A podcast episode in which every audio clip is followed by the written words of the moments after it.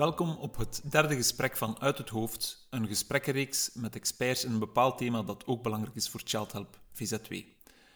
Mijn naam is Lieven Bouwens, voorzitter van Child Help België en ik wil jullie meenemen in deze reeks. Ondertussen zijn de gesprekken te downloaden via je favoriete podcast-app. De gesprekken vormen geen chronologische reeks en dus kan je ze als afzonderlijke podcast beluisteren. Het eerste gesprek met professor Dirk de Wachter en het tweede gesprek met Wivina de Meester kan je nog steeds op dezelfde plek terugvinden. Er is ondertussen ook een bonusgesprek in het Engels met Chris Gates, oprichter en CEO van een van onze partnerorganisaties Mainsprings. Mogen we jullie ook vragen onze podcast te delen met mensen van wie je denkt dat ze iets aan deze onderwerpen hebben. En een positieve waardering helpt ook andere luisteraars ons te vinden. We krijgen ook graag vragen en opmerkingen, omdat dat de conversatie vooruit kan helpen. Vandaag hebben we professor Dr. Geert van Hoven van de Universiteit Gent te gast. Vandaag is ook 3 december de Internationale Dag van Personen met een Handicap. Geert is hoogleraar Disability Studies met een focus op inclusie en mensenrechten.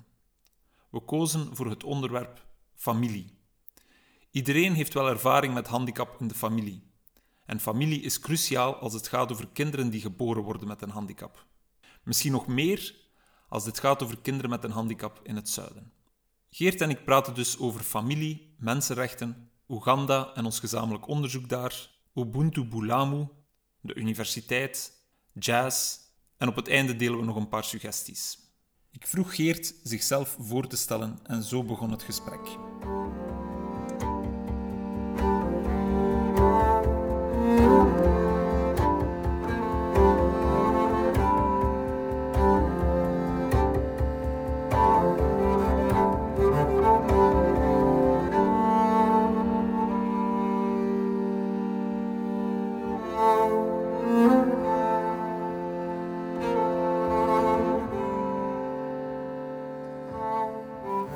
Goed.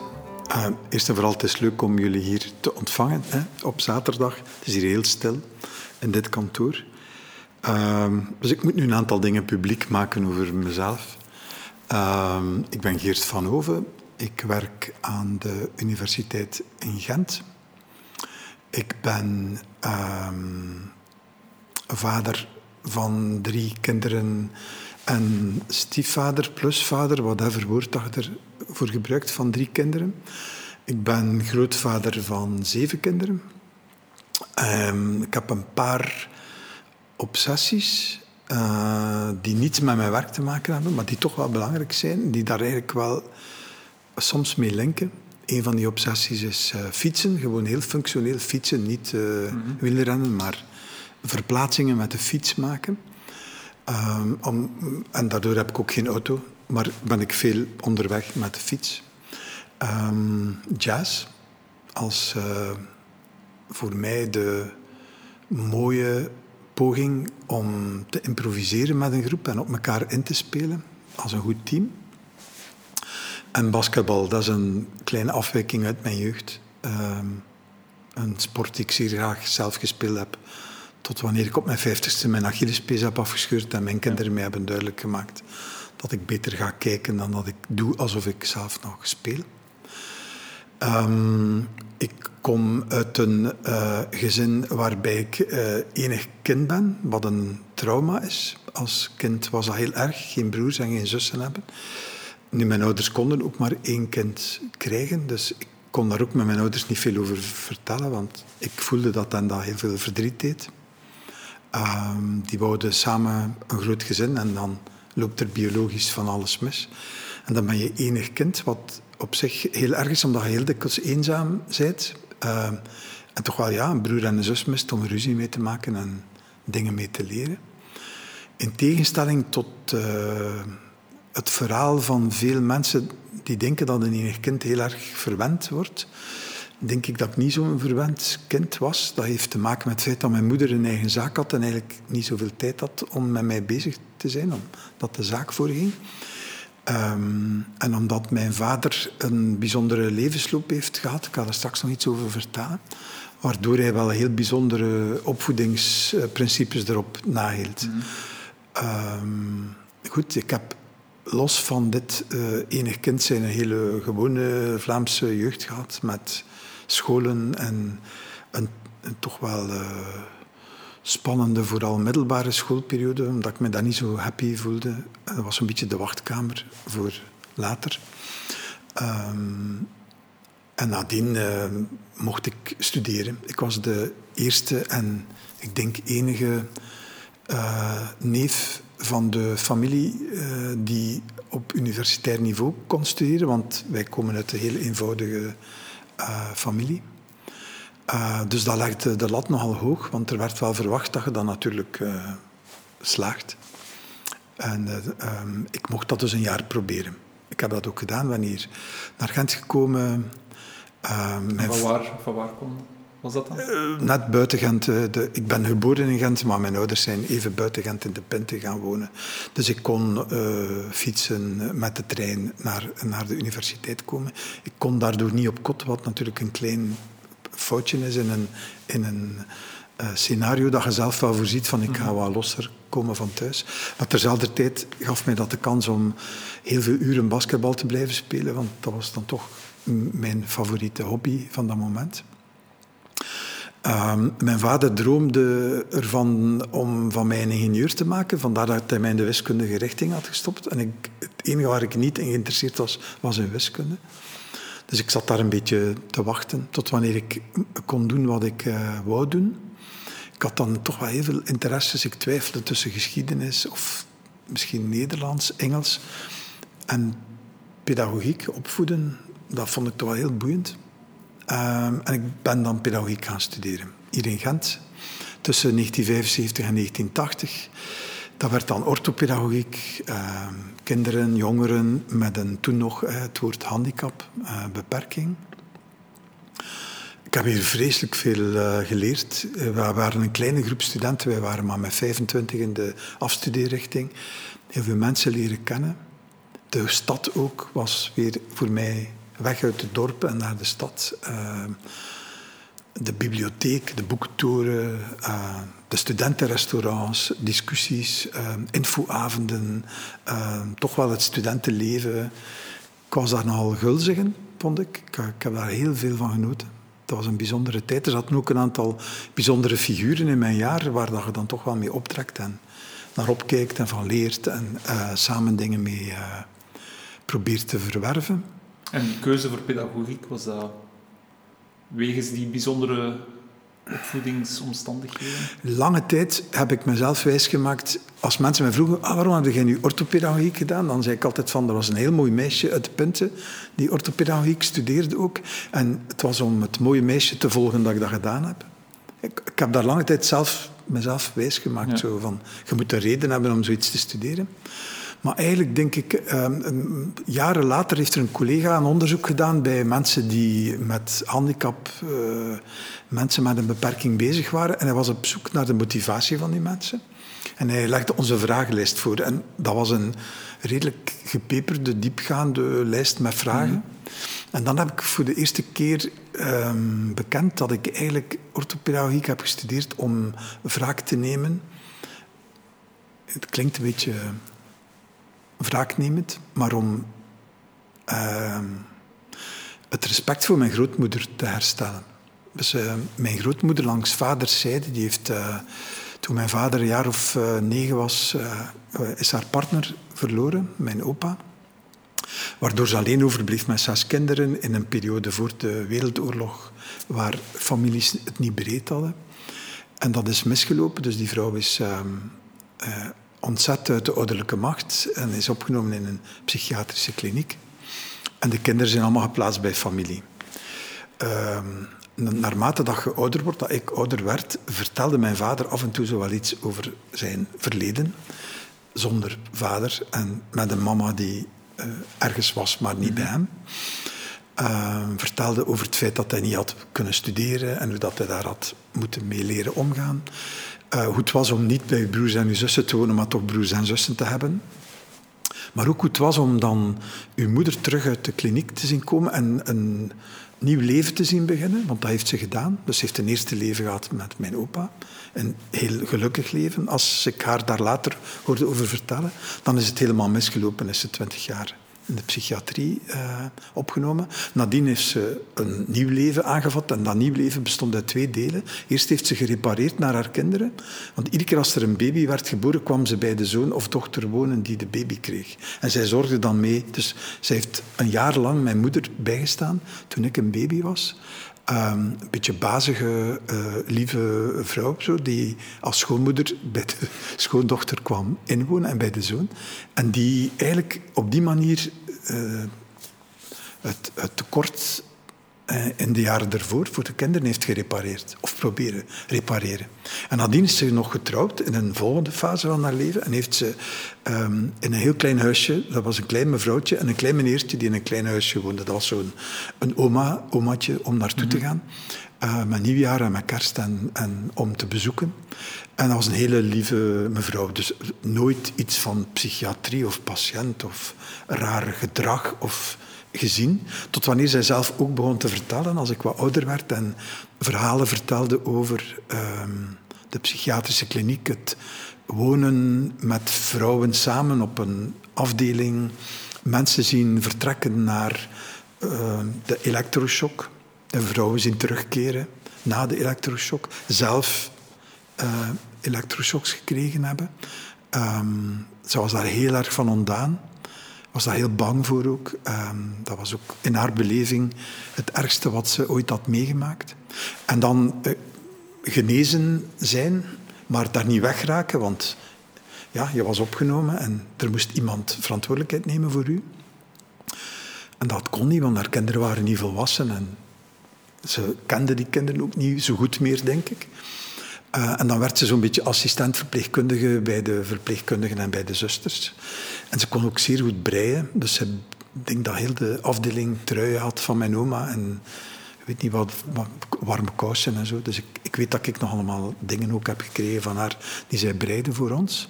Dat was zo'n machientje. En zo, ze kon dat heel goed. Uh, maar dus dat was toch wel een heel uh, indringend verhaal. Wat dan nadien door mijn vader ook een stukje is verteld. Zo.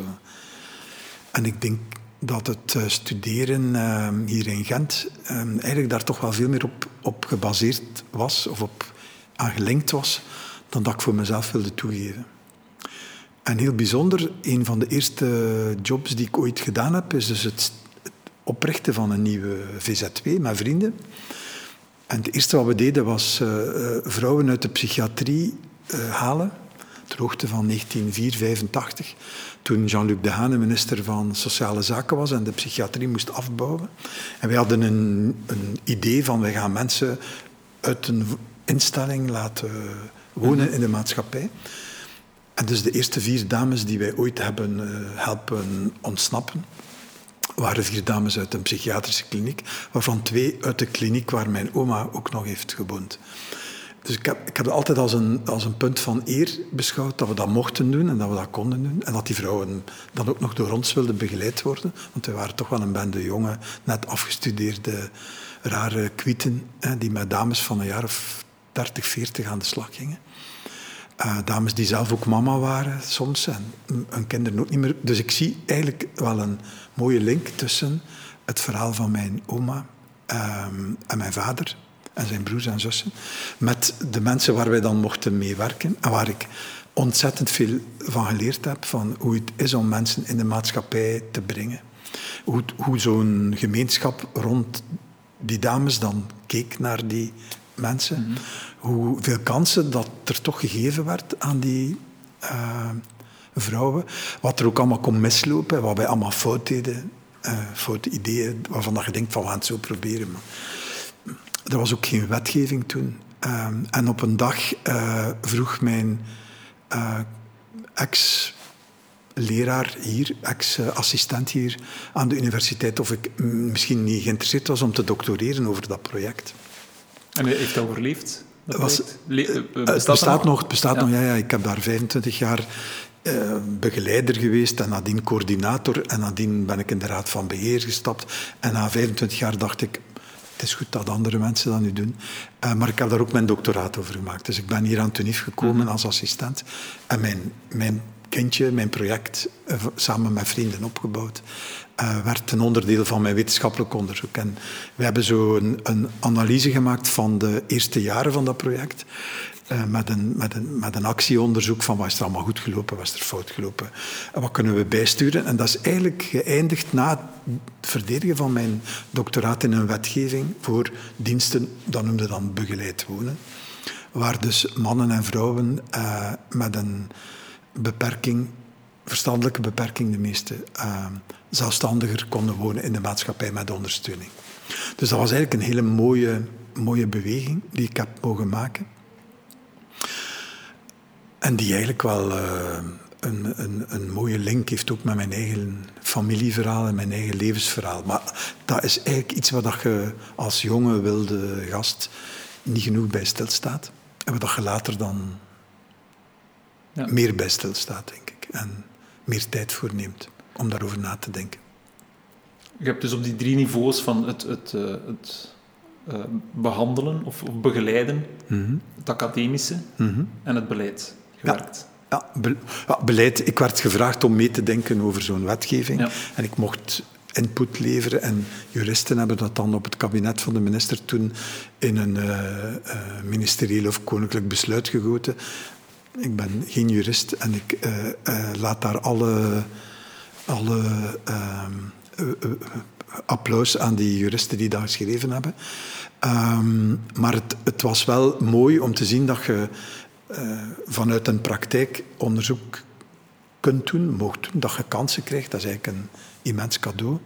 Maar dat je dat dan ook nog kunt vertalen in een, uh, in een, in een uh, beleidscontext, waardoor heel veel van die projecten subsidies konden krijgen en mensen ondersteuning konden krijgen. En veel families, ook hun zonen en dochters eh, met geruste ziel, mm -hmm. konden, konden in handen geven van zo'n eh, stichtingen en VZW's. Dat was eigenlijk wel een mooie, een mooie afronding van zo'n traject. En dat is eigenlijk iets waar, waar ik heel erg blij mee ben dat ik dat heb mogen leren en mm -hmm. mogen doen. Want dat was allemaal toch redelijk uh, uit het wilde zo vertrokken. Zo wilde ja. ideeën van we gaan een project beginnen en we gaan mensen uit een voorziening naar de maatschappij halen en we gaan die begeleiding voorzien. Uh, dus ja, dat was wel een, een zeer boeiende tijd. Ja.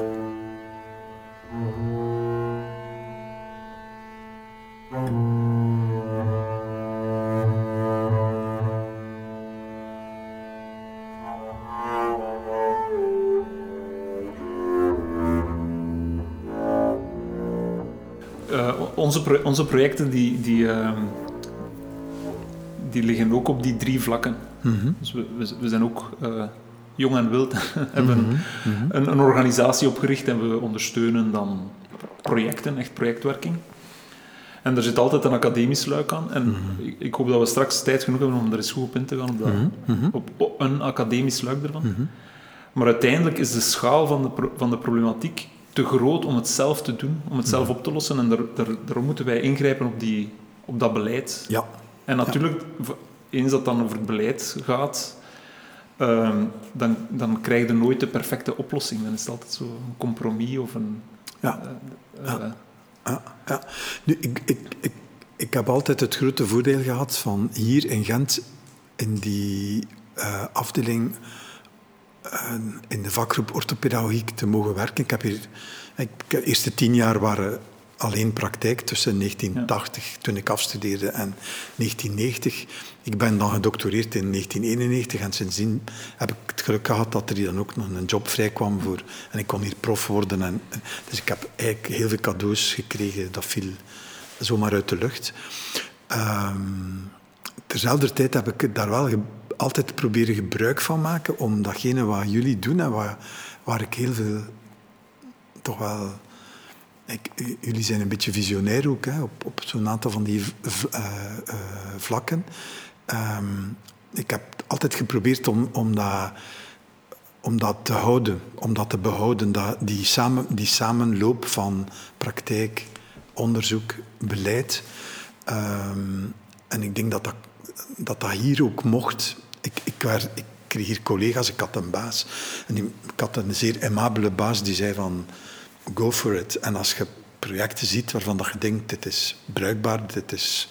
En we kunnen daar studenten in mee betrekken. Dus we hebben hier altijd een soort... Um, we hebben daar ooit eens een artikel over geschreven, een aantal jaar geleden, waarbij we, waarbij we geprobeerd hebben om uit te leggen dat voor ons de campus um, zeer open is. Dus ook hier, in de ruimte waar we nu zitten, wij delen deze ruimte met een familievereniging, dus die hebben hier een kantoor met een project. En we mhm. delen dit, dit, kantoor ook met een organisatie voor mensen met een beperking. Dus die lopen hier in de week rond, soms in het weekend. Die maken ons veel, veel lawaai in een academische omgeving. Is dat soms een beetje spannend.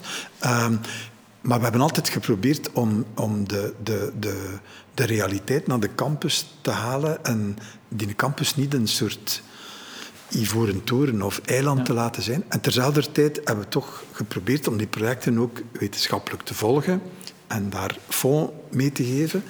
En als het dan kon, ook een beetje beleid te helpen eh, organiseren. Um, dus dat is, dat is een soort een soort strategie waar orthopedagogen in Gent eigenlijk wel een beetje mee opgevoed en opgeleid worden. Al van sinds ik student was en nu nog altijd, zien wij veel van onze studenten vertrekken van hier en die doen dan iets. En die komen dan terug en die maken daar dan een doctoraat over. En die, dus er is een hele grote verwevenheid tussen praktijk, onderzoek en beleid. Want wij hebben Ex-studenten die dan op een kabinet werken. We hebben ex-studenten die uh, grote organisaties leiden. We hebben studenten die dan in de managementfuncties ehm, gaan. Maar we hebben ook mensen die dag in dag uit uh, bij, de, bij de mensen met een beperking of bij de kinderen gaan werken. Dus we zien hier ook in de afdeling die mooie, ehm, dat mooie samenspel wel heel veel terugkeren. En ik denk dat dat wel iets is waardoor, waardoor dat ik ook zo heel veel interesse heb voor wat jullie doen. Uh, omdat ik dat ook wel voel, dat jullie die, die link wel heel goed bespelen. Bespelen? Ja, het, ik, ik, bedoel dat heel positief. Hè. Ik, ik, ik, denk dat vanuit jazz, hè, want dat, is, dat is het improviseren, het, het, kiezen van partners, het kiezen van uh, het niveau waarop dat je je gaat bewegen. Uh, de ene dag zit aan tafel met een familie en, en, en gaat er met die familie aan de slag. De andere dag zijn een opleiding aan het geven voor, voor, voor mensen die ja. gaan werken met die familie. En een dag nadien uh, ontmoet je iemand die een regio bestuurt uh, voor onderwijs of zoiets en die die de kinderen, die scholen organiseert waar dat kind van die familie en waar die leerkrachten die jullie een opleiding hebben gegeven mee aan de slag gaan. En dan denk ik van, dat is, dat, dat is, dat is het leven, hè? dat is fantastisch. Ga mensen die zich opsluiten in de praktijk, ga mensen die zich opsluiten in het beleid, ga mensen die zich opsluiten in onderzoek en ga mensen die jazzmuzikant zijn. Die, die, die, op een mooi thema heel veel variaties zoeken en, en, en improviseren en op elkaar inspelen. Um, het is niet makkelijk om van daaruit op een universiteit uw carrière uit te bouwen, want daar wordt vooral verwacht heel veel publicaties en heel veel projecten. Um, het, het traject waar jij naar verwijst, waar jullie mee bezig zijn, de trajecten waar ik ook eh, mag bij betrokken zijn, zijn dikwijls trajecten van lange duur. En dat, is, dat geeft, dat, je hebt soms veel tijd nodig voordat dat je kunt mm artikels schrijven en mm -hmm. produceren en de academische wereld uh, bevredigen. Hè. Ja. Uh, ja, dat is, een, dat, is een, dat is een keuze. Ja, ik heb, ik, ja, wij, wij hebben hier zo'n soort uh, prairie waar wij vrij kunnen in ronddwalen. Uh, maar met een aantal ethische principes die gekoppeld zijn aan die koppeling met die drie, die drie uh, niveaus. Maar voor de rest is het heel veel vrijheid. Dat is ja. dus een fantastische plek. We hebben, uh, we hebben eigenlijk heel veel gemeenschappelijk. Mm -hmm. Ik ben ook uh, fietser. functioneel fietser. Um, ik heb gebasket tot mijn twintig bij Leden. En dus wij moesten regelmatig in de pinten gaan... Uh, ik herinner me, BBC Leden ja, was een de, tegenstander. Ja, ook bij mij vroeger. Ja. En um, ook een jazzliefhebber. Ja, dus er zijn uh, veel overlap. Uh, het, het, vierde punt waar we overlap hebben is... ik heb een broer met een handicap. Ik heb een broer met spina bifida. Die in 86 is geboren. Um, ja, het verhaal van mijn broer ik ga dat nu niet volledig vertellen, maar, maar uh, in, in 86 is hij dus geboren in een ziekenhuis in Aalst. En uh, op dat moment was Carla Verpoorten, die lang bij ons medisch expert uh, is geweest en nog steeds vrijwilliger, nog steeds een medisch expert, ehm, had hij al een multidisciplinair team opgericht in Leuven. En toch werd er vanuit Aalst niet doorverwezen naar Leuven. Dus mijn broer is zeven maand niet geopereerd geweest. En dit is de jaren tachtig, is niet de... De middeleeuwen. Is niet de middeleeuwen. Mm hoe? Dat zou nu niet meer gebeuren. De communicatie tussen de ziekenhuizen is behoorlijk verbeterd. Uh, doorverwijssystemen zijn veranderd. De houding ten opzichte van personen met een handicap is ook uh, veranderd. Uh, dus in die zin is er al veel veranderd. Er is nog veel werk. Maar er is ook al veel veranderd. Als je nu op die 40 jaar dat, dat je actief bent, sinds 80 tot nu, wat, wat zou zo de, de allergrootste verandering zijn die jij hebt kunnen observeren?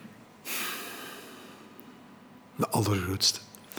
Uh, ik, laat ons bij families blijven. Hè? Je broer, je mama bevalt van een kindje dat kindje is niet het kind dat je gedroomd hebt, maar dat is wel je zoon en je moet daarmee aan de slag, je wilt daarmee aan de slag. Ehm, ik heb hier, toen ik afstudeerde, een thesis gemaakt met families. Samen met een collega, die nog, nog altijd een van mijn beste vriendinnen is gebleven. Dus we hebben echt samen een thesis gemaakt. En eigenlijk was ons onderwerp ehm, het uit huis plaatsen van kinderen met een handicap. En zij werkte met 30 families die hun kind net uit huis hadden geplaatst. Want er was net in uh, de buurt van Antwerpen een gloednieuwe instelling gebouwd. Um, en dus die ouders, die kinderen die daar, en die jongeren die daar werden opgevangen, die waren net uit huis gegaan. En ik werkte met 30 gezinnen die hun kinderen al lang geleden uit huis hadden geplaatst. En dat was eigenlijk, um, wij, wij waren eigenlijk op zoek naar hoe zijn die mensen daarin begeleid hoe, hebben die artsen, uh, huisarts, specialist, de pedagoog, whatever, de pastoor, wie daar ook bij kwam kijken, hoe hebben zij met dat gezin een traject opgezet waardoor dat gezin beslist heeft dat het beter was voor dat kind dat hij niet thuis woonde, maar op een campus. Voor mij is dat onderwerp ontstaan omdat de eerste dag dat ik ooit stage mocht doen, hier in de opleiding eh, kwam ik in een, in een uh, instelling bij de orthopedagoog op het bureau. Ik was heel fier dat ik daar zo de eerste dag mocht zijn. En dat was nogal een, uh, een uitgesproken man. En die zei van vandaag hebben we een gesprek met ouders. Je mocht, daar, mocht daarbij zijn. Je mocht niet zeggen, maar observeren, erbij zijn. En ik leerde daar een koppel kennen dat, dat het verhaal vertelde van wij hebben onze zoon geplaatst hier, bij jullie. En wij mochten de eerste zes weken onze zoon niet zien en niet bezoeken. Dus ik spreek nu echt over de jaren zeventig. En we reden terug naar huis nadat we ons kindje hier hebben gebracht en we hebben heel de weg geweend. En we zijn thuisgekomen en we waren het noorden kwijt.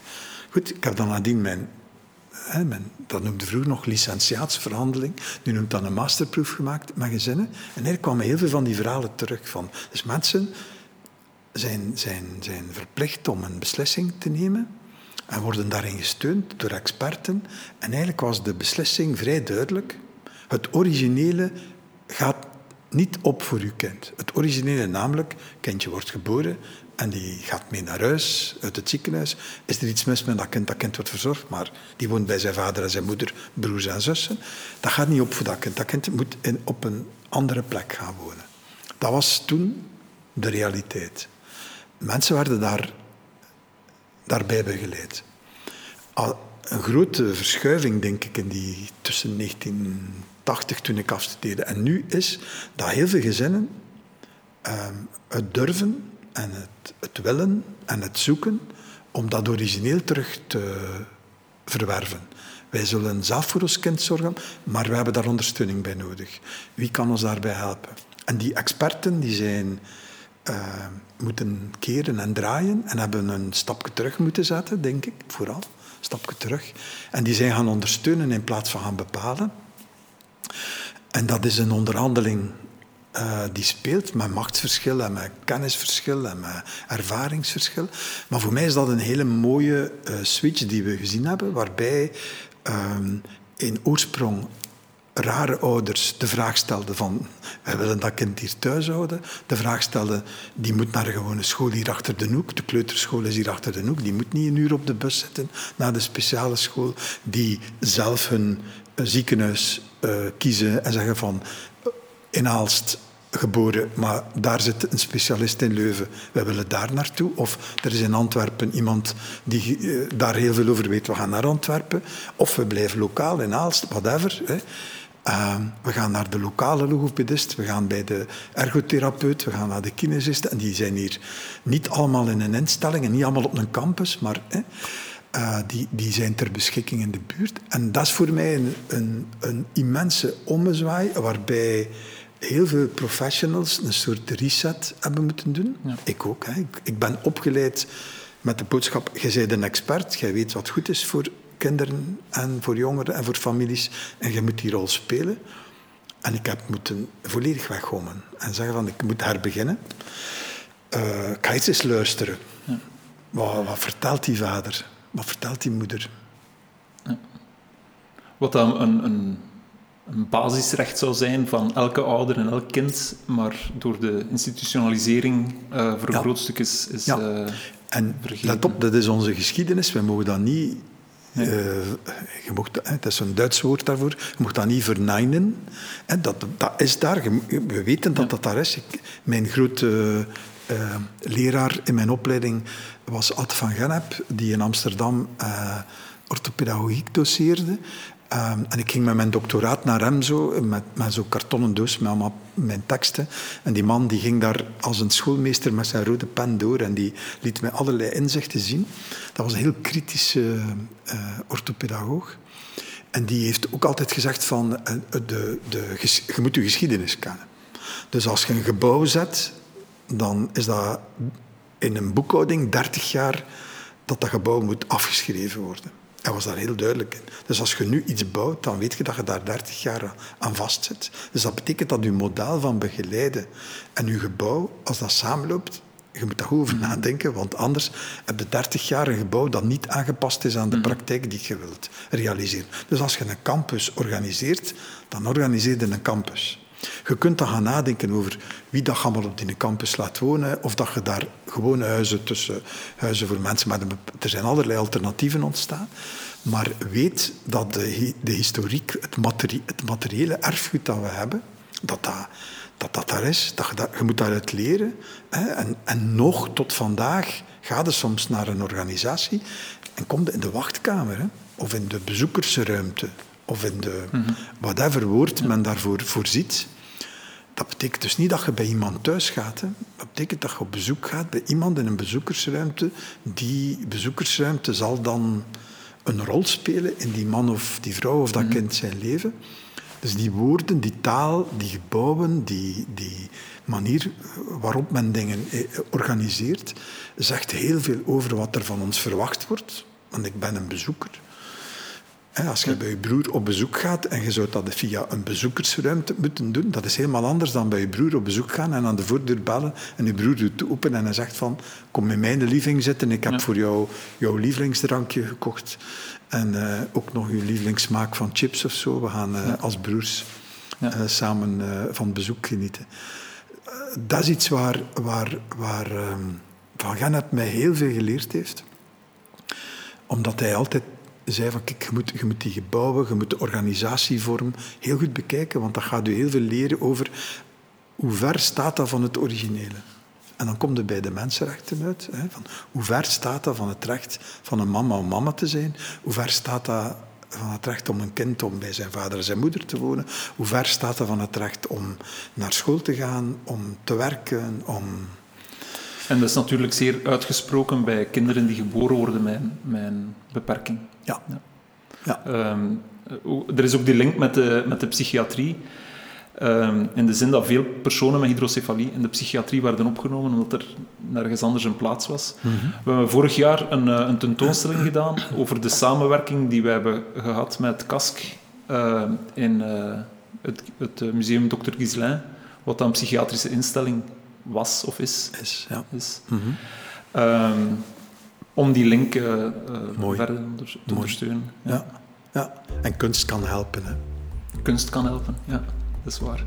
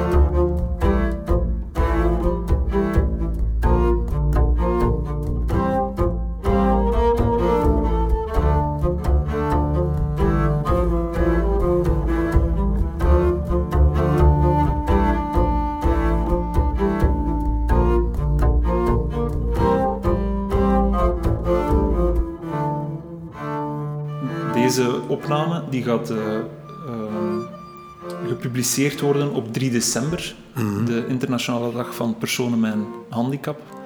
Um, normaal gezien zou op 3 december in New York de COSP doorgegaan zijn, de Conference of State Parties.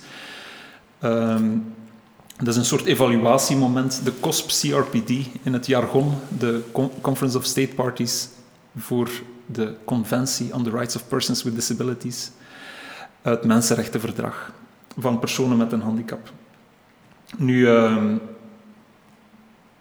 we hebben gezegd, die laatste 40 jaar is er een shift gebeurd van we gaan beslissen voor u en we, er gaat meer samen beslist worden. Hè. Er is nog heel veel werk. Uh, als, als, uh, in, in uw, in uw uh, functie als professor hier aan de universiteit evalueerde het beleid in Vlaanderen wat mee, of in Europa? Kun je dat wat toelichten?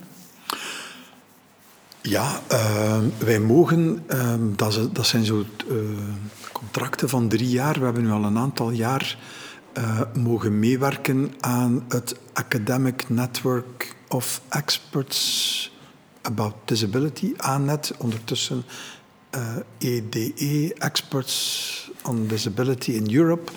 Um, zijn, uh, per, per land heb je een aantal mensen die uh, per jaar een aantal rapporten mogen schrijven in de hoop op die manier de Europese, het Europees beleid mee te ondersteunen en aan te moedigen om in een bepaalde richting te werken. Ondertussen ook uw eigen situatie van uw eigen land of uw deelstaat, uh, al naar gelang, uh, mee te evalueren.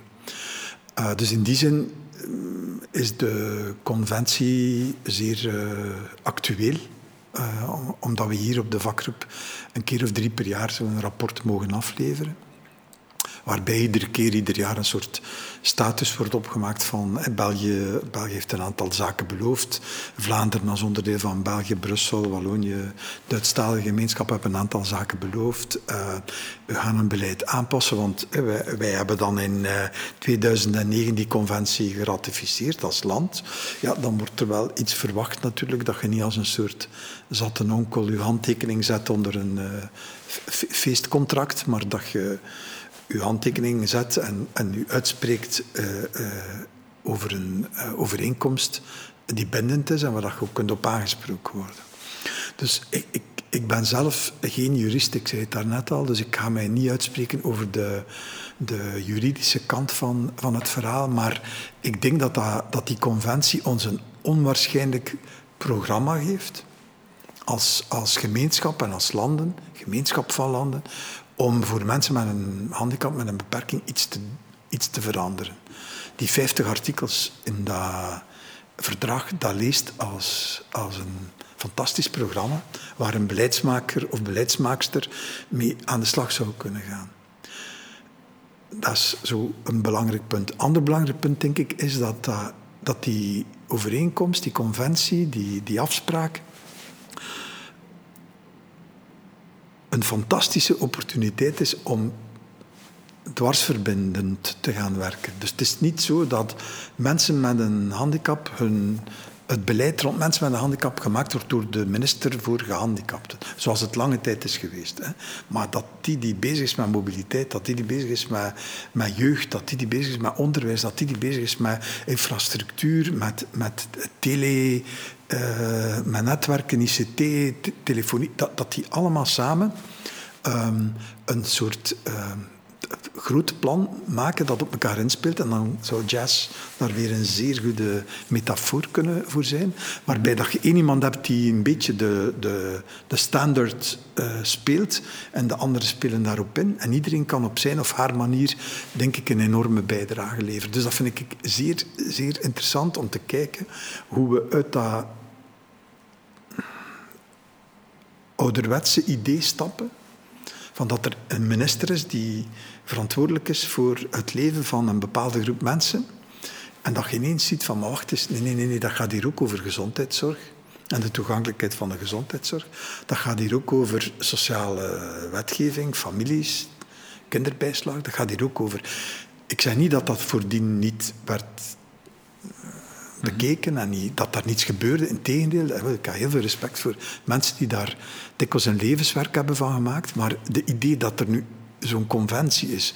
Dat, en, en, daar zijn 50 artikels. En dat gaat over werken, dat gaat over juridische kaders, dat gaat over, over statistieken verzamelen, dat gaat over uw land uh, vergelijken met andere landen. Het gaat over ontwikkelingssamenwerking. Hè. Toch een van Artikel de gro 32, grote doelstellingen van, het, van uh, de conventie. denk ik van, dat is zo'n onwaarschijnlijke boost ik probeer ook aan mijn studenten mee te geven. Ik zeg ook aan mijn studenten van kijk, zo ter hoogte van 1989 werd er ineens een kinderrechtenverdrag afgesproken.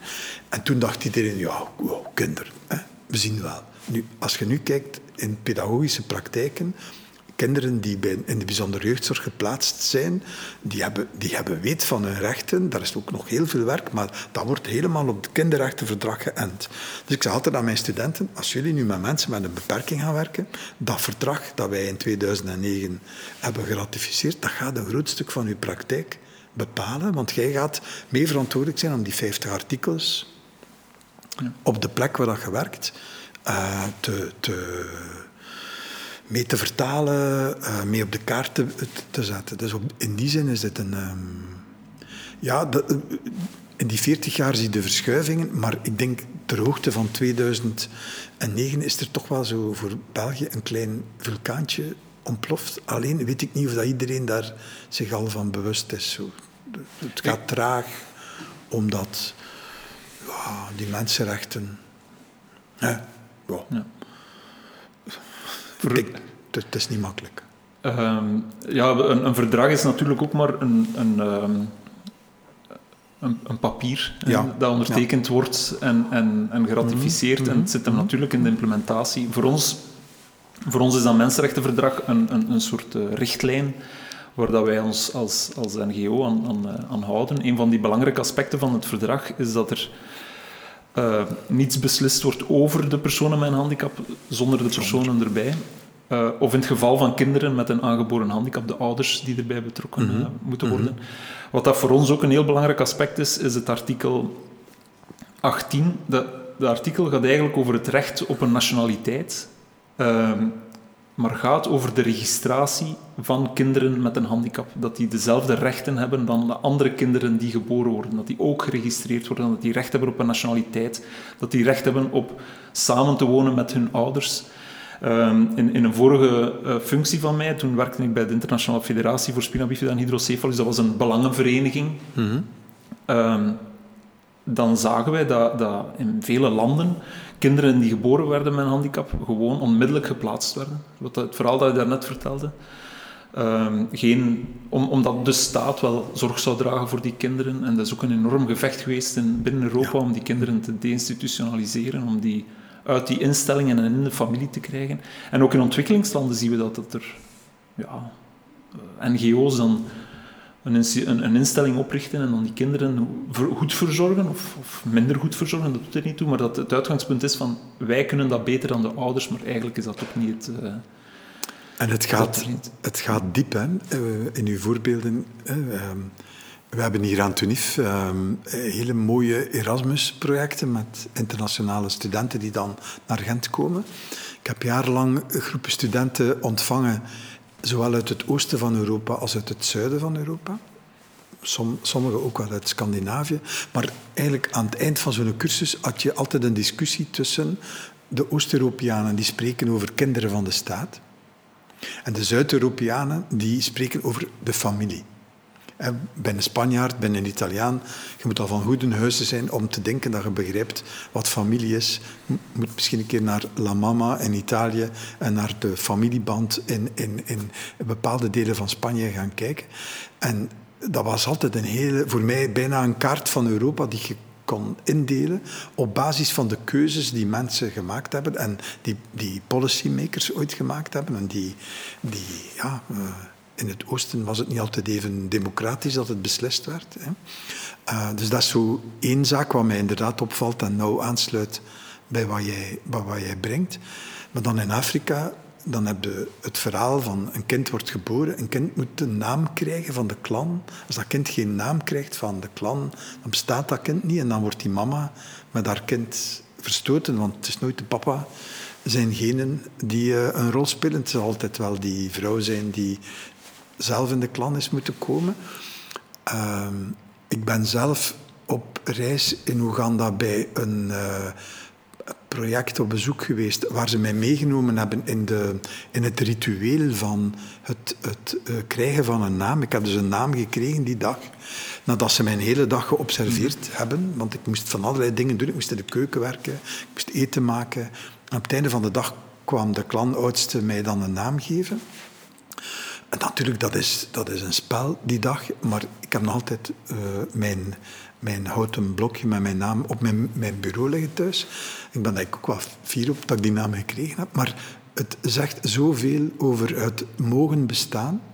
En het zegt zoveel over het mogen mama zijn van een kind met spina bifida, met hydrocephalus, met een handicap. Um, en het zegt zoveel over de immense um, het immense verschil dat zo'n naam maakt eh, over wel of niet iemand mogen zijn, dus ook wel of niet taken krijgen. En uh, we kennen samen uh, dokter Femke Banning, die in Oeganda werkt en bij ons hier haar doctoraat gemaakt heeft.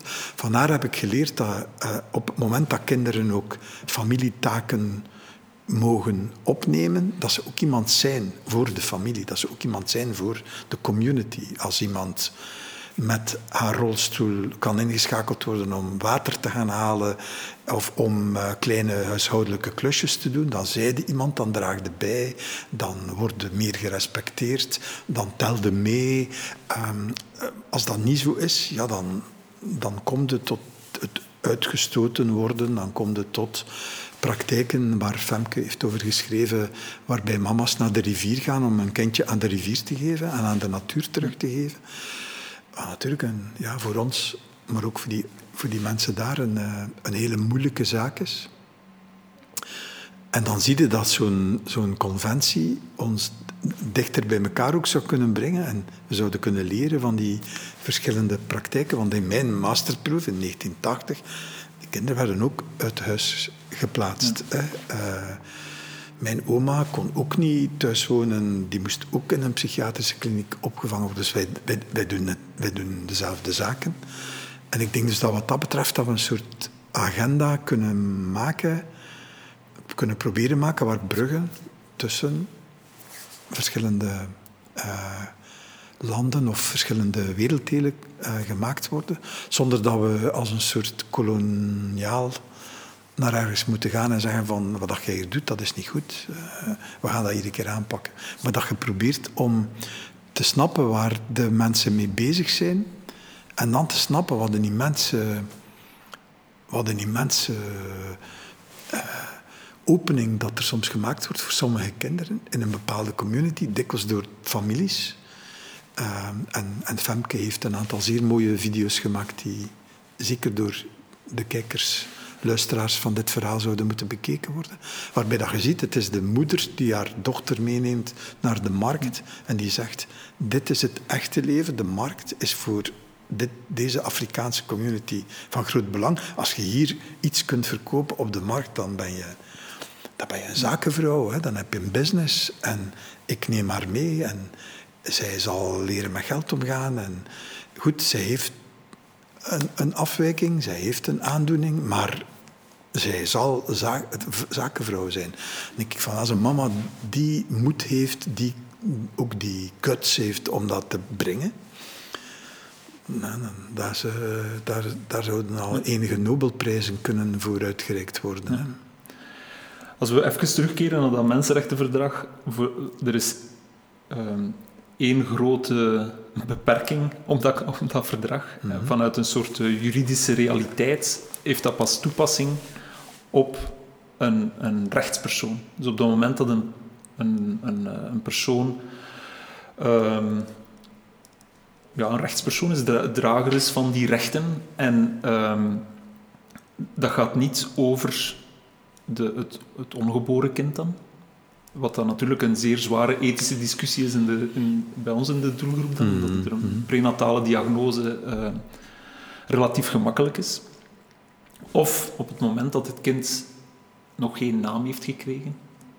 Er is, er is zo'n schemerzone. In Afrika zien we dat er um, die, die eerste dag, alleszins is zo'n schemerzone. Als, als het kind een zware handicap heeft, dan is het vaak een doodgeboren kind, ook al is het niet doodgeboren. Maar officieel is het wel een doodgeboren kind. En dus die rechten in, in die 33 artikelen in het, uh, in het uh, Mensenrechtenverdrag en dan het optioneel protocol, ja. is niet van toepassing op het moment dat dat kind geen, geen rechtspersoon heeft. Dat is toch een, um, een moeilijke discussie geweest, ook binnen de handicapvereniging.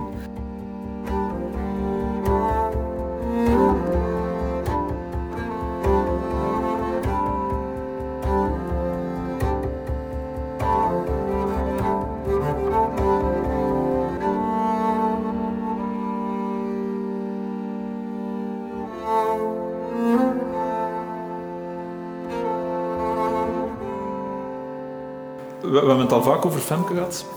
Femke heeft daar doctoraat geschreven. Social Inclusion, Care and Belonging of Children with Spina Bifida Perspectives from Uganda. Uh, onder, uh, onder uw leiding, onder uw uh, promotorschap. Hoe wordt dat officieel mm, genoemd? In de... Mm, zo wordt dat genoemd, ja. ja. Maar ik herinner mij de discussies over dat doctoraat voordat ze aan haar doctoraat is begonnen. En ehm, in, in Oeganda, uh, Femke werkte voor AFSI, dat was een van onze partnerorganisaties. Ehm, er is een andere partnerorganisatie, uh, Cure, die een ziekenhuis heeft in Bali. En waar op dat moment dokter Mugamba, John Mugamba, uh, de, de, medisch directeur was en heel wat uh, operaties deed op een endoscopische manier. Dus er zijn twee mogelijkheden om hydrocefalie te behandelen met een shunt of endoscopisch. En wij gingen ervan uit dat de endoscopische manier beter was dan de, dan de shunt. Omdat een shunt, ja, dat is een, dat is een siliconen buis die, die uh, in, in, het hoofd wordt geplaatst. Mm alle, vreemd materiaal dat je binnenbrengt, ja, dat kan al een probleem mee ontstaan. Mm Shunts die blokkeren al eens, die mhm. infecteren al een keer. Uh, elke keer een nieuwe shunt steken. Als een kind op twee dagreizen van het ziekenhuis woont en dat is zes jaar of zeven jaar en heeft een probleem met die shunt, komen ze niet op tijd in het ziekenhuis. Ehm, we denken dat dat de grootste oorzaak is van mentale problemen met kinderen met hydrocefalie, die shunt. Er wordt overgedraineerd, ondergedraineerd, allerlei problemen. Dus het onafhankelijk zijn van die shunt leek ons een zeer belangrijke meerwaarde van die endoscopische operatie. Dus in Cure, bij Cure hebben ze daar, waren ze daar pionieren, hebben ze die ontwikkeling van die techniek geperfectioneerd. Ze doen daar, ik denk, 800 operaties per jaar. Ze zijn hyper gespecialiseerd in die, in die uh, techniek. Er worden heel veel chirurgen getraind. En dus wij dachten, als we, als we een groep kinderen gaan, gaan kunnen observeren die de helft van de kinderen heeft de, de shunt, de andere helft heeft de endoscopische operatie ondergaan. We, we bekijken die op die lange termijn waar we het er net over hadden. De, de ontwikkeling van die kinderen, de, de, de kennis van die kinderen, de integratie van die kinderen, dat gaat duidelijk zijn tussen die twee groepen, tussen die twee verschillende operatietechnieken. En dat was het gesprek dat we hadden met Femke voordat wij een doctoraat begonnen. En dan zij haar doctoraat. Wat blijkt, er is geen verschil merkbaar tussen die twee operatietechnieken. Uh, in eerste instantie was dat een beetje een ontgoocheling voor ons, want, want mm ja, mm waar wij zo in geloofden, mhm. Ehm, mhm. bleek even goed te zijn dan die andere techniek. Ja.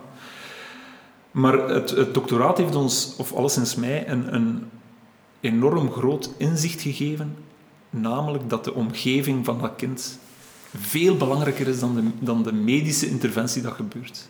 En, we, en dus onze focus verschuift ook Ehm, meer naar, dan, naar, mhm. naar die familie en naar die niet-medische opvolging van dat kind. Tuurlijk is het medische belangrijk. Mhm. Zonder neurochirurgie, mhm. als een kind een open rug heeft en dat heeft geen neurochirurgie, dan overleeft het niet. Als het een progressieve hydrocefalie heeft en er is geen neurochirurgie, overleeft het kind niet. Dus die zijn heel belangrijk, maar enkel maar voor dat deeltje van die neurochirurgie. En ik denk dat wij voor het doctoraat van Femke daar te, te veel belang aan hechten aan die medische interventie. Hoe belangrijk dat ook is. Hè. Dus uh, uh, dat, is, dat is hoe dat ik het doctoraat heb beleefd.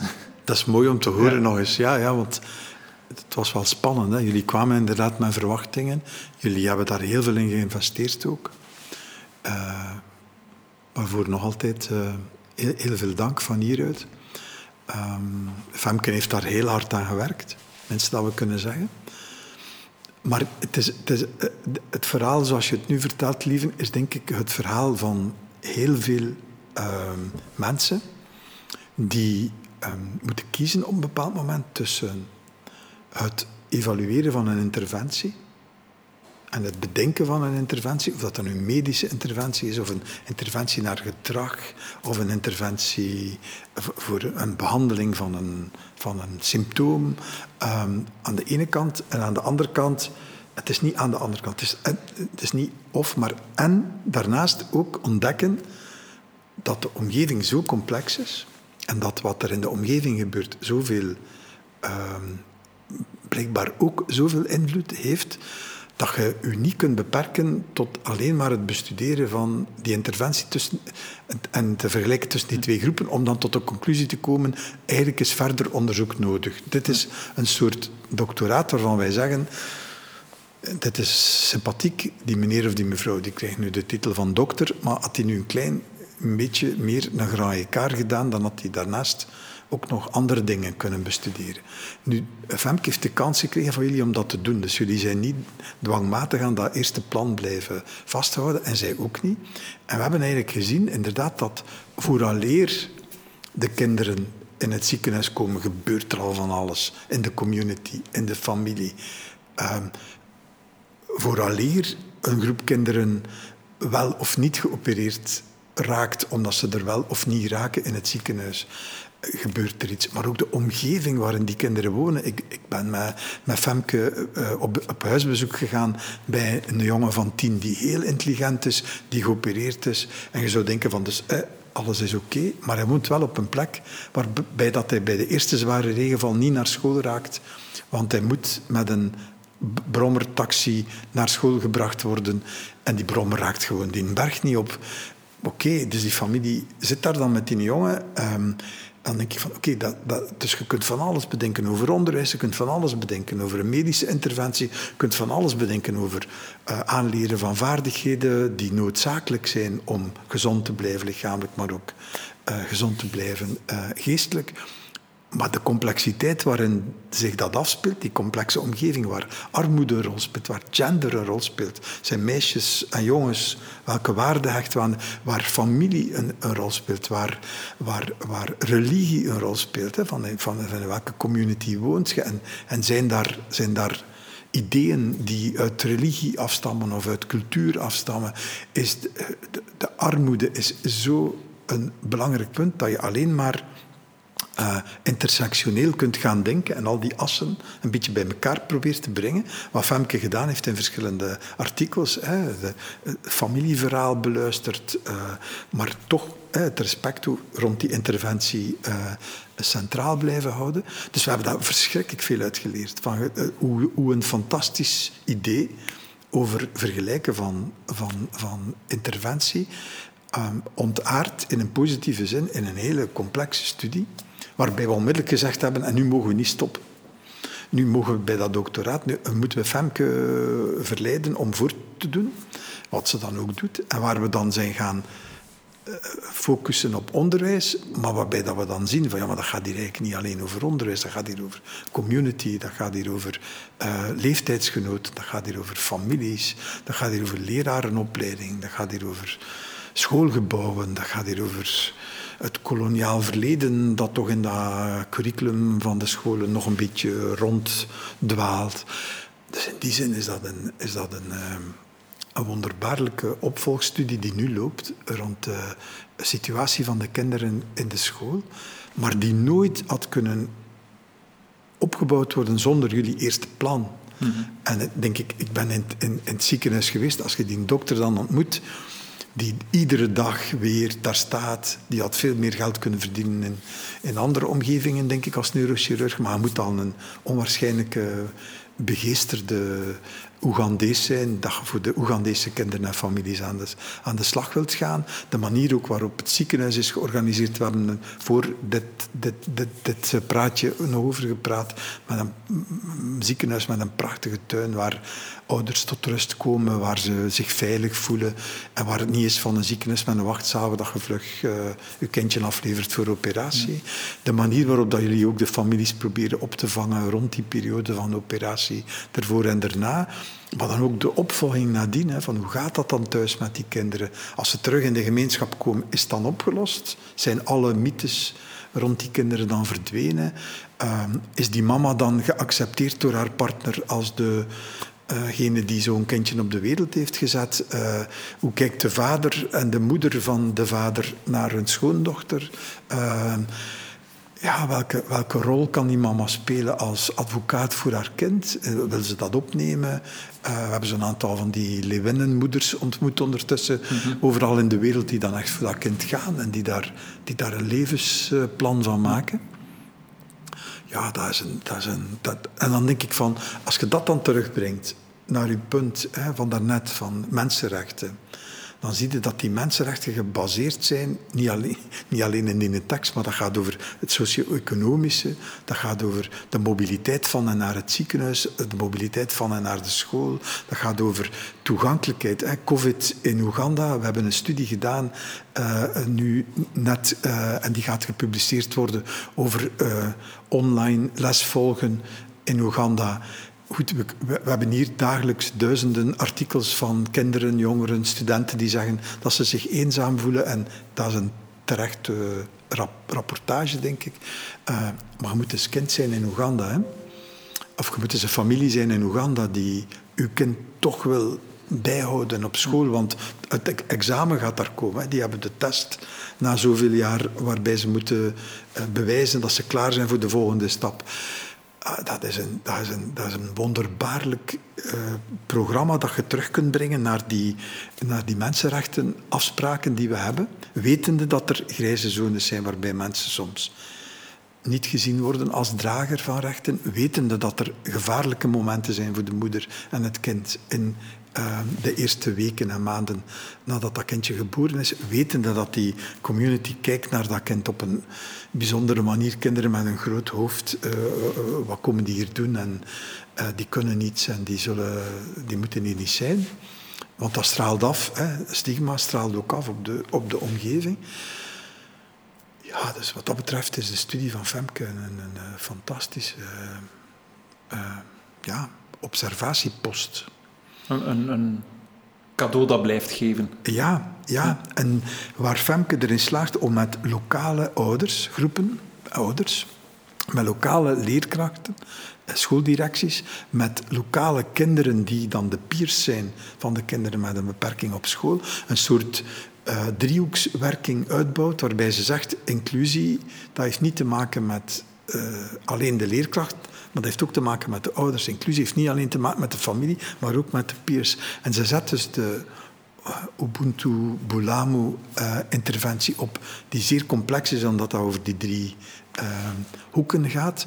Het gaat eigenlijk over veel meer. Hè. Bedoel, maar dat is, een, dat is iets waar we hier in het noorden, westen heel veel kunnen van leren.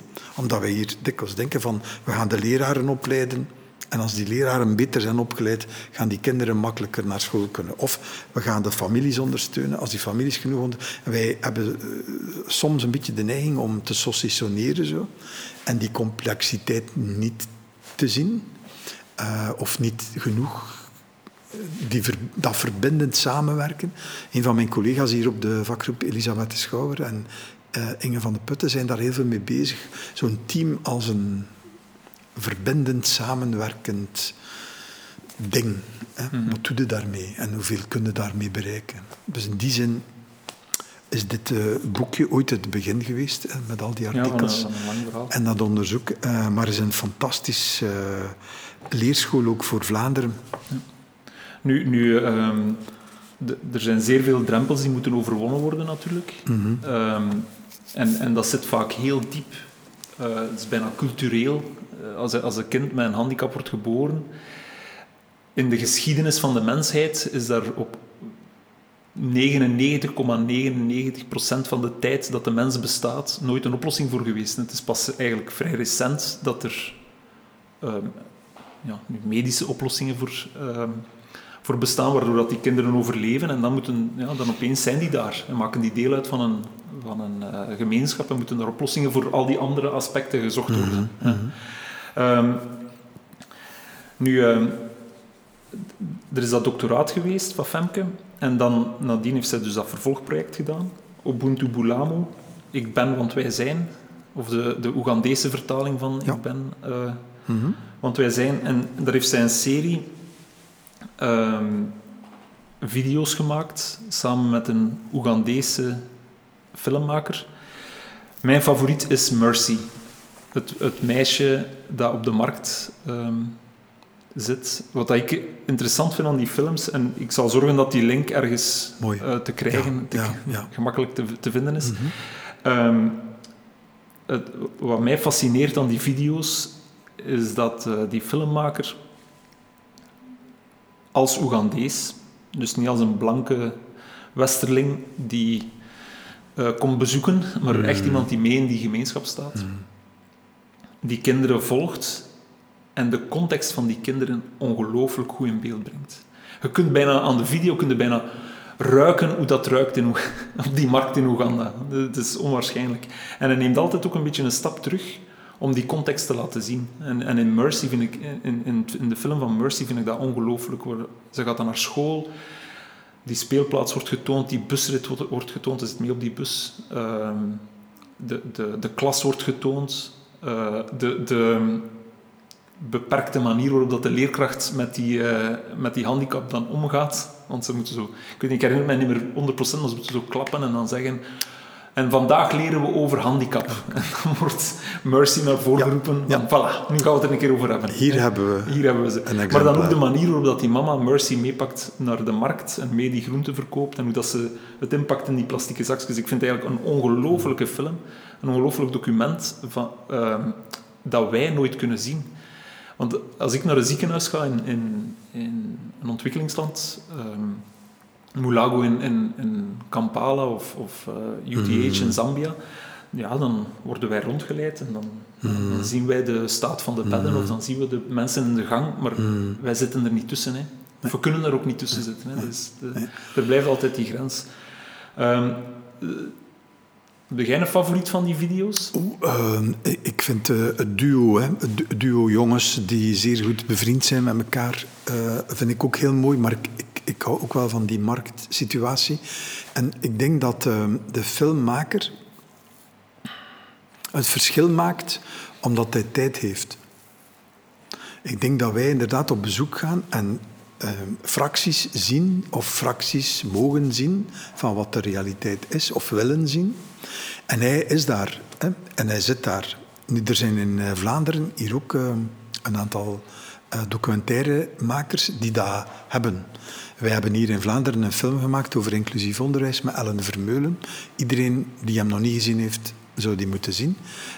Ellen Vermeulen heeft ook een documentaire gemaakt over mensen die als uh, geïnterneerden in de gevangenissen werden opgevangen toen nog ze allemaal in de vergeetputten zaten. 9999 heet die documentaire. En Ellen heeft mij geleerd dat zij een documentaire maakt ehm, met tijd. Dus tijd maakt het grote verschil. Dus zij zit dan drie maanden in de klas van een kind, doet niets, ogenschijnlijk, observeert maar ondertussen ziet niemand daar nog zitten of iedereen gebruikt daar als assistent of kameraad of vriendin of whatever. En dan gaat ze filmen. En dus dat duurt, dat duurt. En dus als, als, als eh, persoon die samenwerkt met Ellen, denk je van, komt er ooit nog een documentaire? En ik weet dat Femke met diezelfde stress te maken heeft gehad van, gaat er nu, gaat er nu een afgewerkte video eh, finale komen? Een clip die toch want we, hebben, gingen, dat toch doen en we hebben daar ook centen voor gekregen. Die Afrikaanse man die, die kon het opbrengen om op die markt te zijn. En inderdaad te zorgen dat wij die geur bijna van die markt meekrijgen. Die kon met die twee jongens onder die een boom gaan zitten. En die twee jongens mochten met zijn camera spelen. En die, die, die, die hebben plannen. Hè. Dat is een duo met plannen. Die, die wil een businessman worden. En die, die worden bijna documentairemakers in de documentaire als je, ze, als je ze volgt. Maar dat kan alleen maar als tijd gegeven wordt. En als uh, komt om vlug wat beeldjes te schieten en dan inderdaad wat onze commentaar onder te zetten. Eigenlijk heb je in heel dat verhaal uh, van Femke, haar, haar uh, documentaires, geen off-screen stem nodig. Het, het speelt zich af en gevolgd. Uh, en ze heeft die documentaires gemaakt samen met die kinderen? Samen met, samen die, met die ouders? Ja. Nothing About Us Without Us was daar een hele mooie lijn. En ik denk dat dat heel eerlijk is gebeurd ook. Hè, van ze heeft ook geen mensen verplicht om een rol te spelen. Als uh, die ene jongen onder die een boom zit, ik ben daar ook geweest, dat is zijn boom. Hè. Dus let op als je daar een wet van uh, eigenaarschap van de boom of plek onder de boom overtreedt, dan zijn in gevaar. Hè. Zijn maat, dat is zijn maat. Dat is zo. En goed, ik ben daar geweest op verschillende momenten en dat jongetje speelt daar geen rol. Dat is niet fake, dat is echt zijn, zijn leven, die mama met haar dochter. Eh, een kind uh, dat niet wil spreken in de, in de clip, die moet niet spreken. Een kind dat, dat heel veel wil vertellen, dat, dat kan heel veel vertellen. Dus in die zin is dat een, een manier van storytelling waar dat we heel veel kunnen van leren omdat ik denk van, je hebt aan de ene kant uh, nood aan cijfers en aan uh, impact en aan effectiviteit. En waar het doctoraat mee begonnen is en waar, ze, waar Femke een stuk heeft mee gewerkt. Aan de andere kant heb je ook de storytelling nodig. Van waarom is dat nu zo complex? Kunnen wij ons dat voorstellen, hoe het is om met een jonge vrouw eh, thuis te wonen die een groter hoofd heeft dan de andere kinderen en waar iedereen naar kijkt van daar is iets mee met dat kind en daar bestaan dan mythes en verhalen en, en, en uh, um, vooroordelen tegenover. Goed, dan, je hebt die stories nodig om de aanvulling te hebben op dat wetenschappelijk onderzoek of op dat louter wetenschappelijk onderzoek. En ik denk dat, dat uh, het, de lange duur van het project van Femke onder jullie auspiciën dat ook mogelijk maakt. Dus daar is tijd. En ehm, vervult dat soort onderzoek, ehm, dat soort verruimende rol uh, hier op de universiteit? Ik, ik, denk in eerste instantie moet, moeten we even terug naar de geschiedenis van deze afdeling hier, van de vakgroep. Al heel lang, um, van in de jaren. Uh, toen, toen de vakgroep gestart werd, denk ik. Misschien zelfs van begin de jaren zeventig, gingen de studenten op buitenlandse stage. Ze gingen op buitenlands bezoek en ze gingen op buitenlandse stage. De toenmalige prof, die een uh, verschrikkelijke vrouw was, had wel een zeer boeiend idee van we moeten over de grenzen gaan kijken hoe mensen over de grenzen dezelfde problemen die wij hebben aanpakken. En studenten werden, ik ben zelf uh, twee keer op studiereis geweest, een keer naar, uh, naar uh, Frankrijk en een keer naar Denemarken. En voor ons was het Scandinavië toen zo het walhalla van de zorg voor mensen met een handicap. Wij, wij zijn dus in Kopenhagen gaan kijken hoe, dat in de jaren, eind de jaren 70 daar georganiseerd werd. Daarnaast waren, waren studenten verplicht om op buitenlandse stage te gaan. Dat was verplicht. Nu, de eerste prof verplichtte de mensen om naar Israël te gaan, om in de kibbutz te werken.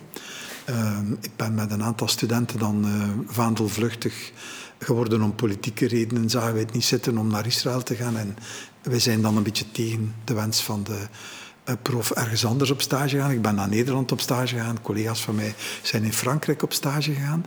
Maar dat zat toen al in het programma. En tot op vandaag hebben wij uh, in de stages studenten de kans gelaten van binnenlandse stage te doen, een combinatie van binnen- en buitenland, of een volledige buitenlandse stage te doen. Dus in die zin is, het, is Femke voor ons op dit moment bijna de, uh, een van de Afrikaanse hubs waar studenten naartoe kunnen, waar we weten van daar gebeurt iets, waar we een gids hebben uh, Femke en haar team, waar we een gidsenteam hebben, en waar die studenten kunnen gaan leren. Die gaan daar dan een half jaar van allerlei dingen gaan doen. Uh, dus dat, dat is voor ons een, een, een grote plus dat dat kan, dat we daar iemand hebben. Aan de andere kant sluit het heel goed aan bij de geschiedenis van de vakgroep en onze verwachting dat studenten buiten de grenzen gaan kijken en niet gaan doen alsof wij de oplossing hebben, maar bij de buren gaan kijken. Ja, terwijl dat we aan het opstellen uh, waren, kwam er een Zuid-Afrikaanse student ja. iets vertellen en dan kwam er iemand anders iets uh, vragen over een doctoraat van een Indonesische ja. student. Er is toch een zeer... Ja, ja. Dat, is natuurlijk, ja, dat is natuurlijk het, het fantastische van dit leven aan de universiteit en het werken aan de universiteit, is dat je heel veel internationale connecties hebt. Maar het is ook leuk om met die buitenlandse studenten te kunnen werken. Hè. Ik bedoel, zij brengen ze brengen zoveel binnen, waar we onze studenten dan laten samenwerken met zo'n buitenlandse collega uh, die doctoreert of die hier werkt. Uh, en dan is dat een, een super meerwaarde. Hè. Ik denk dat we, dat we mensen dan niet alleen opleiden, maar ook een beetje nog opvoeden hè, als, als wereldburger. Uh, dat is toch wel een hele belangrijke voor ons, dat we mensen uh, de kans bieden om die... Er zijn heel veel studenten die erop ingaan. Dus we hebben ook, wij trekken ook een groep studenten aan die daar eigenlijk ook wel een beetje van houden, van het avontuur. Uh, het is niet altijd makkelijk in een bureaucratische omgeving om dan de juiste maanden en de juiste periode te bepalen, maar we blijven koppig doordoen met zo'n buitenlandse uh, trajecten. En in die zin hebben wij nu zo'n soort wereldkaart. Lange tijd, toen we nog niet hier zaten, had uh, vroegere secretaris van de vakgroep echt een wereldkaart boven zijn uh, bureau hangen. En die had vlaggetjes van waar we mensen kenden en waar studenten uh, op stage gingen. dus in die zin, denk ik, hebben we, hebben we wel heel veel geleerd. En een, en een mooie samenwerking kunnen uitbouwen met de collega's.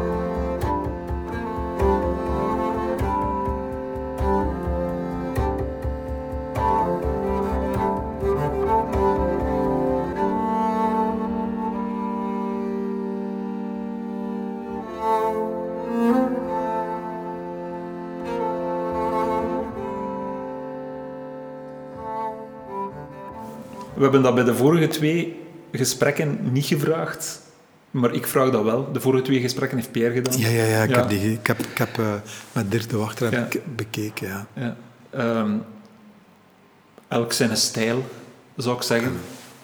Wat ik um, heel boeiend vind, is um, is te horen, een suggestie te krijgen van, van iemand anders die in een, bepaald, in een bepaalde sector, in een bepaald veld zeer actief is en die ehm, ja, mij iets kan uh, suggereren om te bekijken of te lezen of te beluisteren. Ja.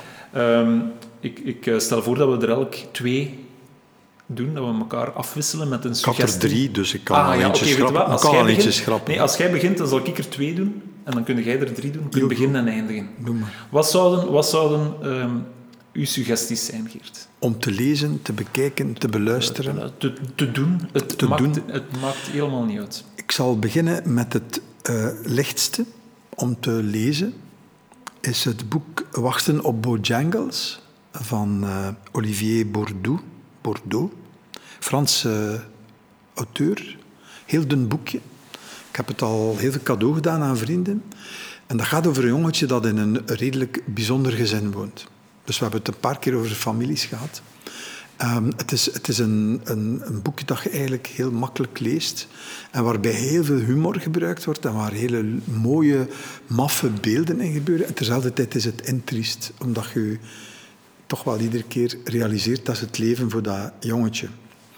Eh, dus families zijn bijzondere plekken waar heel veel liefde is, maar waar ook soms rare dingen gebeuren. Dus als je een heel licht, eh, dun boekje wil lezen over families, dan is eh, Wachten op Bojangles. En dat gaat terug naar Jazz, het nummer van Nina Simone. Ehm, wat de mama altijd speelt als er feest is in het, fam- in het gezin. Ehm, dus de titel refereert daarnaar. Maar dat is een aanrader. Over families eh, denk ik dat er heel veel, heel veel eh, aanraders eh, zijn. Ehm, mijn eerste suggestie of tip is een film van Studio Ghibli, Grave of the Fireflies. Nu, ehm, dat, is een animatiestudio en het is een tekenfilm. Maar Grave of the Fireflies is geen tekenfilm voor kinderen, is een van de sterkste anti-oorlogsdrama's dat ik ken. Het gaat over ehm, twee kinderen, een, een jongen van een jaar of veertien en zijn vijfjarig zusje, Seita en Setsuko, die hun moeder verliezen in de ehm, bombardementen van Kobe op het einde van de Tweede Wereldoorlog. En die moeten proberen overleven in een maatschappij die zelf aan het overleven is. En kinderen kunnen dat niet. Die hebben een omgeving en een familie, die hebben een context nodig om te overleven, want ze gaan dan ook op het einde van de film... eh, nee, ze gaan aan het begin van, begin van de film gaan ze allebei dood. Dus het is Maar- intriest. Het is een ongelooflijk eh, eh, drama. Maar ehm, waarom dat ik dat suggereer, is één, het is een meesterwerk. Het is een ongelooflijk prachtige film. Maar eh, het doet er mij aan denken dat onverschilligheid kinderen doodt. Ja. En in het werk dat wij doen, zie ik zeer veel onverschilligheid. En als gevolg van die onverschilligheid enorm menselijk lijden. Ik zie heel veel Setsukokus in Afrika. En daarom dat dat voor mij eh, een- niet alleen een ongelooflijk eh, film is, maar ook een, bijna een motivatie is om verder te doen. Een, een soort verwoording is van de motivatie waarom dat wij doen wat dat we doen. Ja. Mooi. Ja. Ja. Ja. ja, dan wordt het niet makkelijk om natuurlijk ook nog een, nog een andere te brengen. Maar als er mensen zijn die zin hebben om een moeilijk boek te lezen, niet, Bordeaux is een, eh, makkelijk boek. Ehm, Eva Federer Quité is een Amerikaanse filosoof die nu eh, gepensioneerd prof is, filosofie. Maar die ook moeder is van een dochter met een zeer zware beperking. En haar laatste boek is fenomenaal goed. Het is niet vertaald in het Nederlands, dus je moet de moeite doen om het in het Engels te lezen. En de titel is Learning from My Daughter.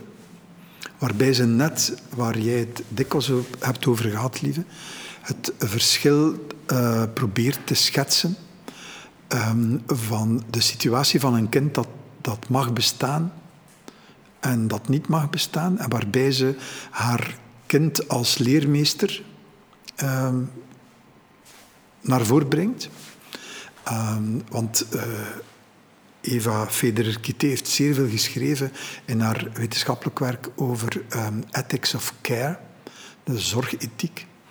Maar heeft al haar theoretisch werk direct gelinkt aan de situatie van haar dochter en kinderen, toen ze nog kind was, nu jonge vrouw, van haar, uh, van, van haar dochter. Hè. Dus dat, dat is een onverbrekelijke link. Ik vind dat zo mooi dat iemand die zo'n abstracte, moeilijke dingen, zoals zorgethiek, beschrijft en bestudeert, dat zo direct met een persoonlijk verhaal blijft, eh, koppig blijft linken.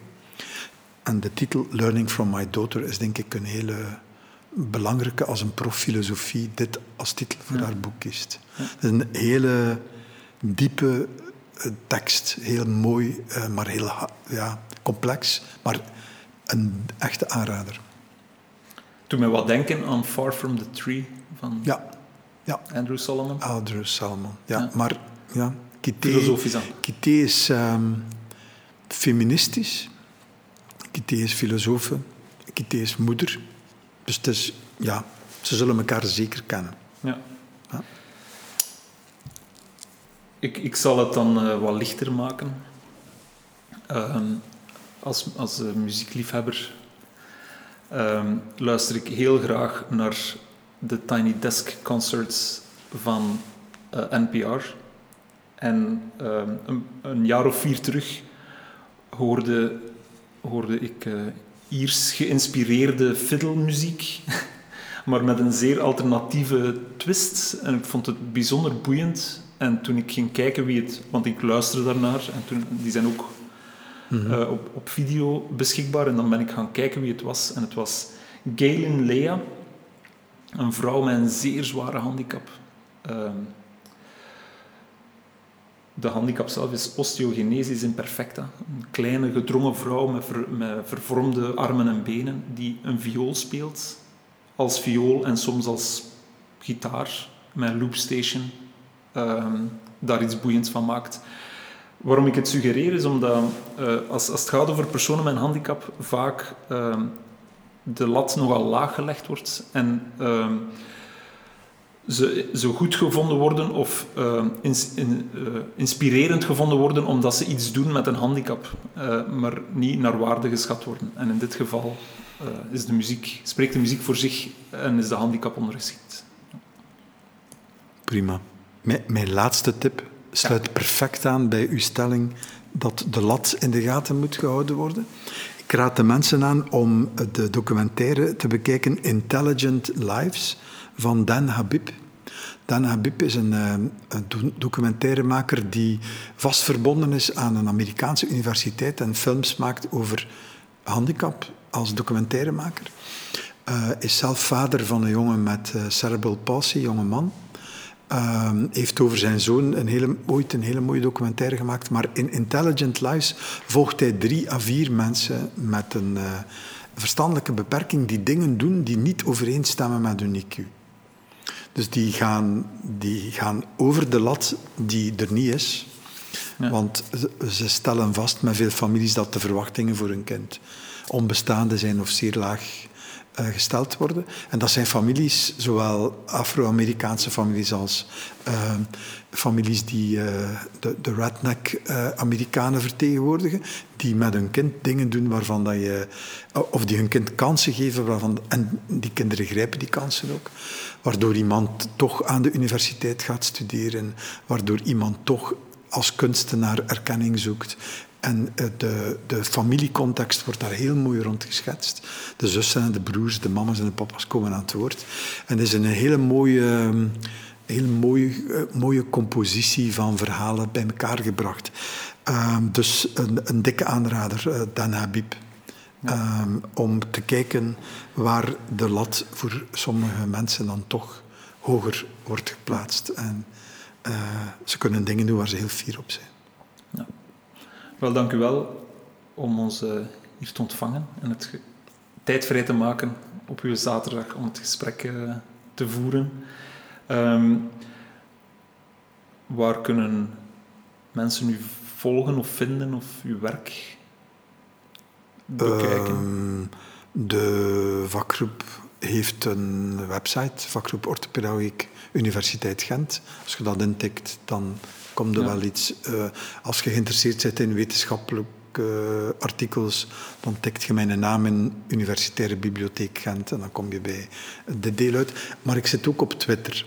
Dus als je mij zoekt op Twitter met mijn familienaam en mijn voornaam, dan zijn er zoveel Geerten van Hoven zijn er niet op Twitter. Um, en ik twitter regelmatig over uh, mensen met een beperking. Dus in die zin zou dat ook nog een link ja, zijn. Maar ik twitter ook over jazz ja. en over basketbal. Ja, oké. Okay. Ja. Dank u wel.